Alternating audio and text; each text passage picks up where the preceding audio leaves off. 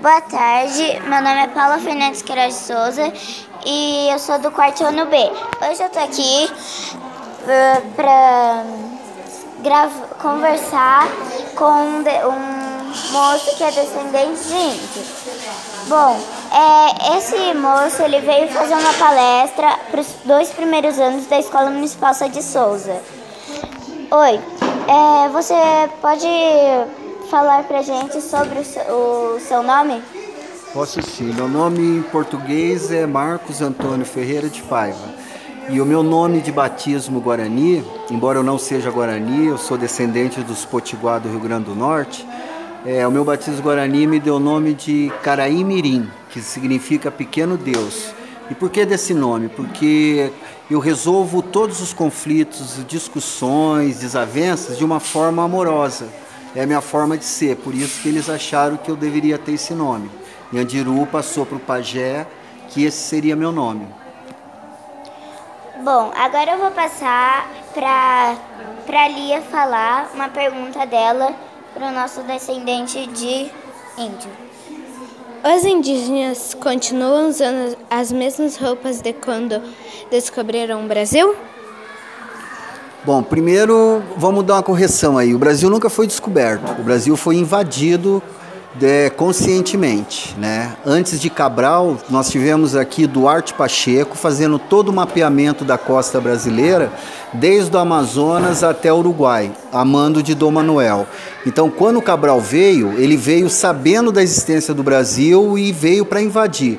Por isso que nas nove naus que ele veio, os nove barcos, só tinham é, soldados, bandido e ladrões. Porque, pensa bem, quem é que vai fazer comércio levando bandido, né? Então, isso é a primeira questão que a gente sempre coloca, né? O Brasil nunca foi é, descoberto, ele foi invadido, né?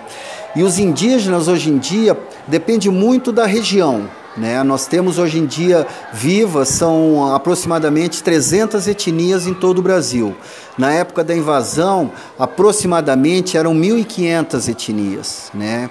Então, reduziu bastante é, existiam naquela época aproximadamente 15 milhões de seres humanos vivendo só no Brasil. Hoje em dia temos 800 mil. Né? Então teve um genocídio gigantesco.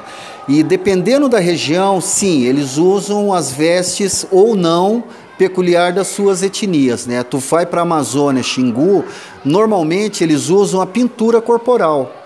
Né? Tu vem aqui para o sul, é, nordeste, centro, é, centro-oeste, leste, eles já são, é, vamos dizer assim, civilizados pelo branco. Então eles usam roupas comuns, né? mas não é por isso que eles vão deixar de ser indígena. Né?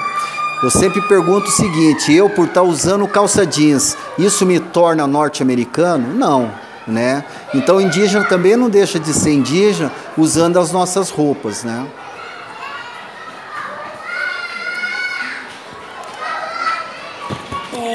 É verdade que os indígenas vivem somente da caça e da pesca atualmente? Não, não é não. Hoje em dia o indígena, ele é tutelado do Estado. Ele vive da comida que a FUNAI leva para eles.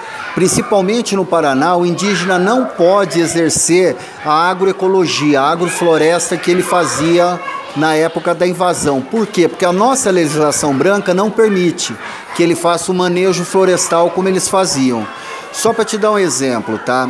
Toda a floresta do Brasil eram a agricultura dos indígenas. Mata Atlântica, Cerrado, é, Mata Amazônica era a lavoura dos indígenas, era a forma deles lavourar, que é qual? A agrofloresta. Hoje em dia os indígenas precisam é, da, da alimentação que o governo leva para eles, por eles não poderem exercer as suas práticas de agricultura. Entende? Isso daí é uma coisa que a gente tenta reverter, mas é muito difícil, porque o governo brasileiro trata o indígena como um ser incapaz. Ele é tutelado do Estado. Se ele quiser plantar alguma coisa, criar algum animal, ele tem que pedir autorização para a FUNAI, que normalmente não dá não. Entende? E é por isso que os indígenas hoje estão tendo todas as doenças que o homem branco tem: diabetes, hipertensão, é, problemas de câncer, de pele. Por quê? Porque a alimentação deles é a mesma que a nossa, cheia de agrotóxico. É, os, negros têm os mesmos direitos que os brancos? Os índios têm os mesmos direitos que os, que os brancos? Não, não tem não. O indígena, que nem eu falei, ele é tutelado do Estado, né? Tudo que ele vai fazer, ele precisa pedir autorização para a FUNAI, que é o órgão responsável para cuidar dos indígenas no Brasil. Né? É, vou te dar um exemplo. O indígena, se ele quiser, por exemplo, sair da, da região dele e ir para uma outra região, ele tem que ter autorização ou do cacique ou da própria FUNAI. Se o indígena quiser é, plantar, construir, reformar a casa e tal, ele precisa também de autorização.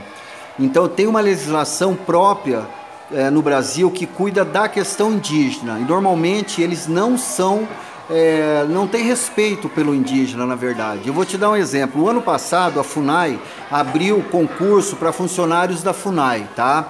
Tinha é, vaga para negros e deficientes, não tinha nenhuma vaga para indígena e ó, você vai falar com a FUNAI, a FUNAI fala, não, nós temos funcionários indígenas, sim, tem, para fazer a parte de faxina, servir café. Você não tem um indígena exercendo uma categoria acima de secretariado, diretoria. E nós temos indígenas, por exemplo, que dão aula em universidade até fora do Brasil. Mas aqui no Brasil é totalmente diferente a lei.